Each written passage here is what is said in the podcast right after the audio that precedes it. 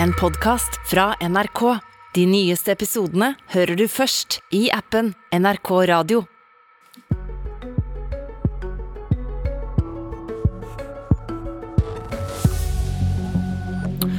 Alle skal ned.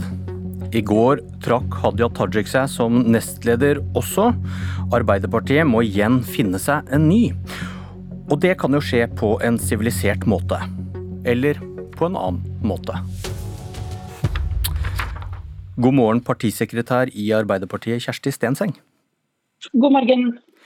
I forrige uke trakk Hadia Tajik seg som arbeids- og inkluderingsminister, men sa at hun skulle fortsette som nestleder i Arbeiderpartiet. I går trakk hun seg som nestleder også.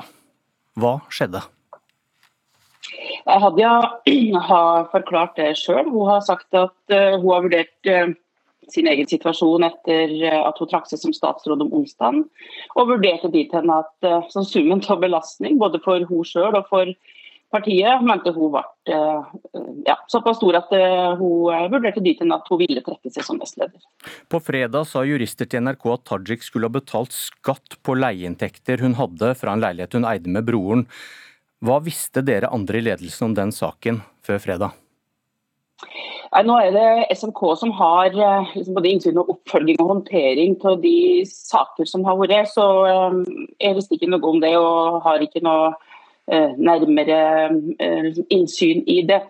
Men jeg har lyst til å understreke at når Hadia i går sa at hun ville trekke seg som nestleder, så var det Hadia sin egen beslutning. Men du snakker vel med partilederen din? Jeg prater med partilederen min og har tett dialog med han, men jeg vil likevel understreke at det var Hadia sin beslutning.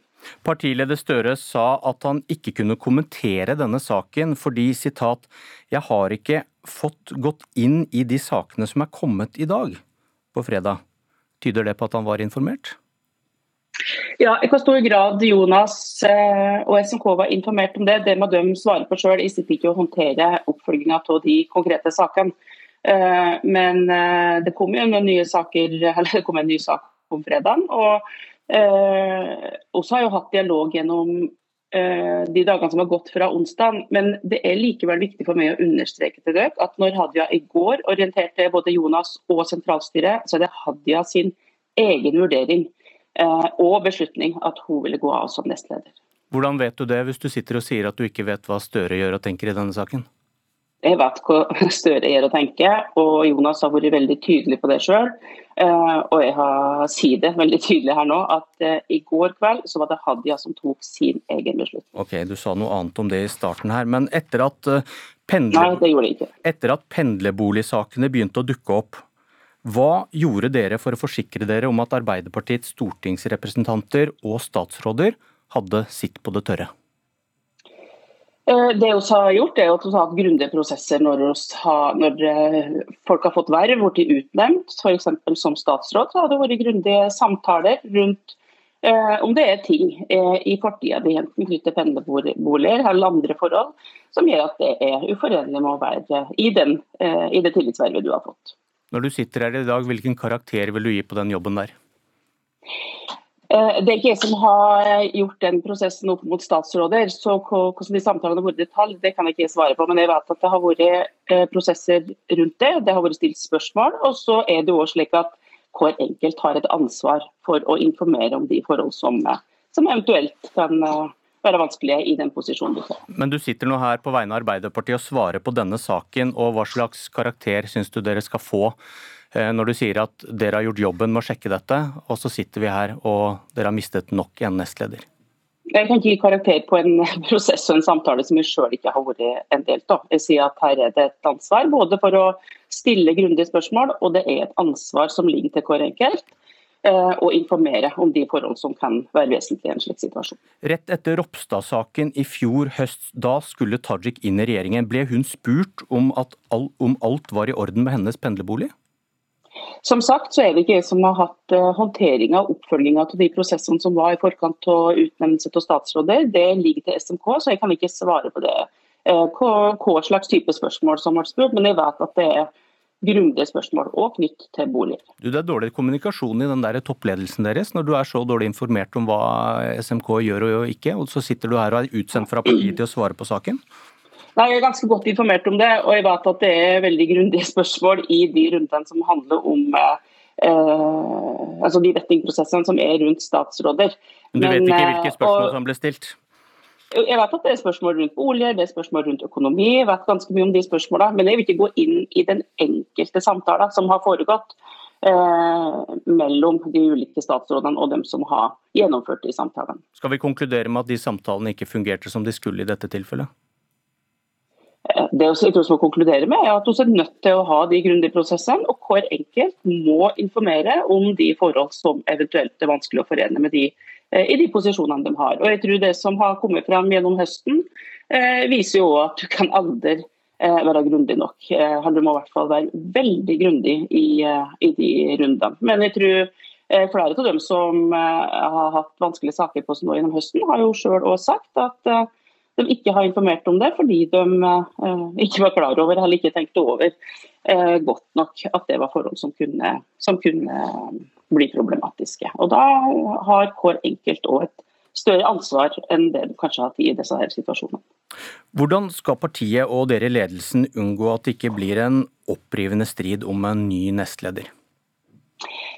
Nå kommer vi til å ha ordinære prosesser fram til neste års landsmøte. Det har skjedd oss før. Vi eh, hadde den samme situasjonen i 2018 og fram mot landsmøtet i 2019. Eh, jeg tror at nå er folk eh, opptatt av én ting, og det er å få fred og ro til å drive med politikk. Gjennomføre regjeringa sin politikk, sette i gang alt det arbeidet vi skal gjøre inn mot et lokalvalg. Så Det vårt parti både trenger, og det våre gode partifeller sier veldig tydelig, de ønsker seg fred og ro til å drive med politisk arbeid. Hva slags fløyer finnes i Arbeiderpartiet? De har kriterier dere bruker når dere definerer folk inn i fløyer, om det er dialekt, det er landsdeler eller om det er politiske saker. Men jeg opplever et eh, samla parti som sto på nå inn mot valget i høst.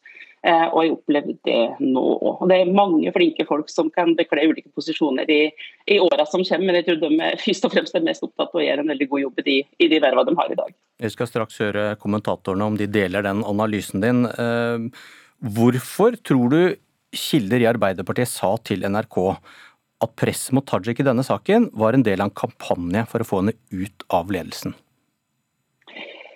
Jeg vet ikke hvilke kilder NRK har. og uh, Hvis noen vil spekulere i at dette her er noe annet enn den saken, så ja, må de få lov til det. Men jeg tror denne saken forklarer seg veldig godt sjøl, og Hadia har vært veldig tydelig på det sjøl. Her er det forhold rundt eh, pendlerboliger, eh, skatt, som hun sjøl har beklaga, og som er årsaken til at Hadia går. Men hvis det du stemmer sier at det er ett samla parti som vil det samme, hvorfor finner vi sånne kilder som sier sånne ting da?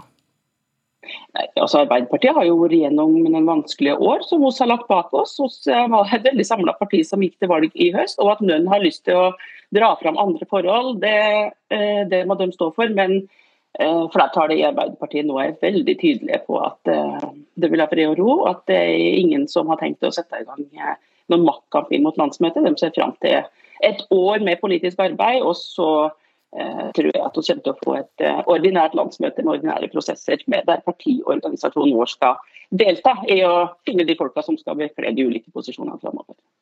Tusen takk for at du var med, Kjersti Stenseng, politisk kommentator i NRK, Magnus Takvam. Hva er analysen av Stenseng sine svar? Eh, jeg la jo merke til at Stenseng veldig sterkt understreket at det var Hadia Tajiks egen beslutning å trekke seg som nestleder. Og eh, budskapet er jo selvfølgelig da at eh, hun ikke ble presset til å gjøre det av eh, partiets ledelse. Og det er klart, det må man bare stole på, for så vidt. Og at det var selve sakens innhold og den dynamikken som oppsto, som, som lå bak. Men det er klart det hadde vært en mye mer, enda mer krevende situasjon hvis det, var, hvis det festet seg et bilde av at Hadia Tajik eh, ble presset ut av posisjonen sterkt mot sin egen vilje. Det ville vært mye mer krevende å håndtere for partiet framover. Politisk redaktør i Adresseavisa, Siv Sandvik, god morgen. God morgen. Hvorfor falt Tajik? Tajik eh, falt fordi hun eh, hadde en eh, historiefortelling som veldig mange syntes det var vanskelig å tro på. Hele veien så var det spørsmål som hang i lufta, og som ikke hadde tilfredsstillende svar. Verken for journalistene som stilte spørsmålene, eller for Ap-politikere og Ap-velgere som leste dem.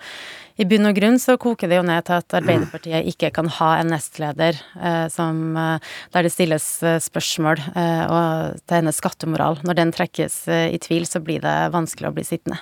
Når Arbeiderpartiet nå skal finne seg en ny nestleder, leter de da også etter den som kan ta over for Støre?